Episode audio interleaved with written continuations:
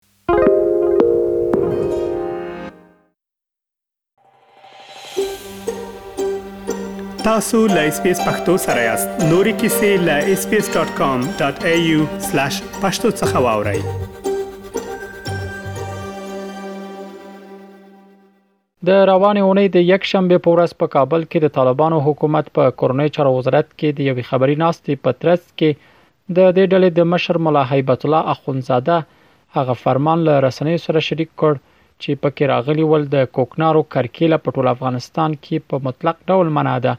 او هیڅ څوک دې له دې وروسته په خپل ځمکو کې د دغه ناوړه بوټي د کرلو هڅه نه کوي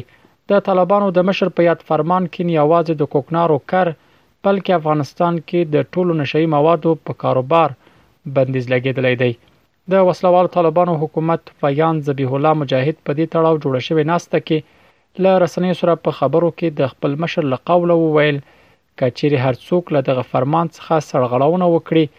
د کوکنارو کښت یې لمنځه وړل کیږي او له سړغړونکو سره به یې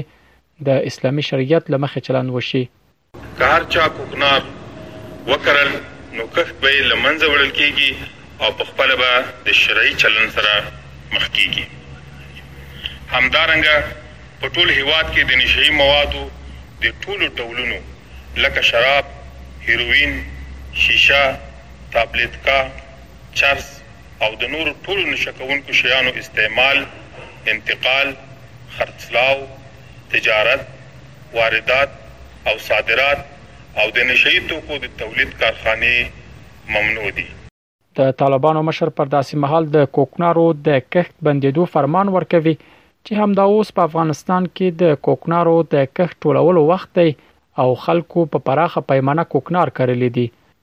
د تخمینی شمیرو لمخې خای تر 250 زره هکتار ځمکه په افغانستان کې کوکنار کرل شوی وي تر دې وړاندې بزګرانو د دغه کرکېلې او لامل د طالبانو لوري نه ممنوعیت یادوه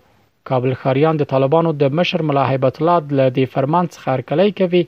او په دې برخه کې د عملي ګام غوښتنه ترې کوي. په افغانستان کې د کوکنارو د کښت مخنیوي په اړه د حکومت وروستی اقدام مثبت دی او ورته خوشبین یو، ځکه په افغانستان کې د نشه یي توکو د کښت له درکه دا مهال په افغانستان کې نږدې پنځه میلیونه کسان په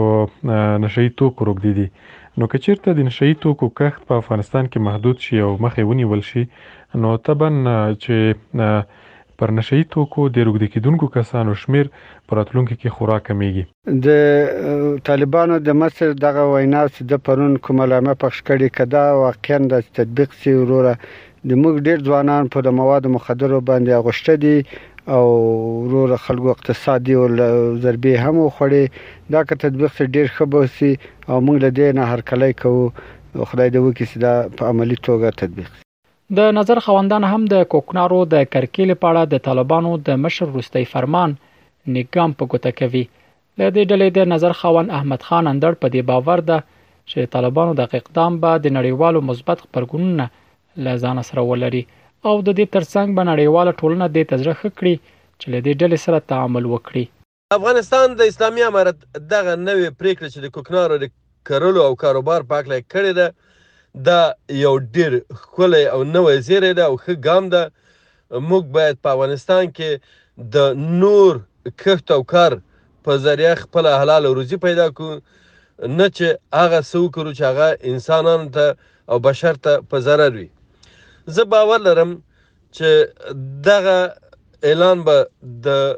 نړیوالو مثبت غبرګونونه هم رابرسیرې کړي او هغه تور نوم چې افغانستان د کوکنارو لیرونو په حق لري هغه به د سپینېدو مخې ته لاړ شي او بل د افغانستان د اوسني اقتصادي او سیاسي وضعیت ته په کتو د افغانستان د اسلامي امارت اړیکې به له نړیوالو سره ډېر نږدې شي او یو تعامل ته به سره ورسېږي او همداسې کېدای شي چې نور هم دغسې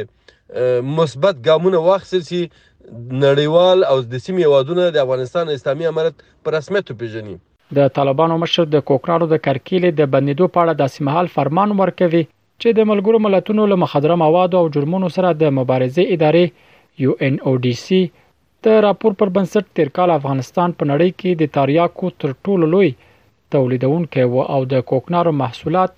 د دغه هیواد د اقتصاد 11%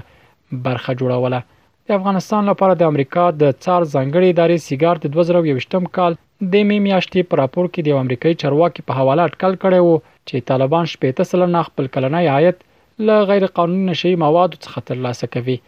اخوا د تیر جمهوري نظام پر مهال د افغانستان په یو شمېر ناامنو ولایتونو کې کوکنار کرل کېدل او په ښارونو کې د نشئی موادو او الکولي مشروباتو تولید، پلور او پېر هم کېده چې وخت ناوخت به یې د کاروباریانو د نیول کېدو راپورونه هم ورکول کېدل. رحیم الدین اوریا خېل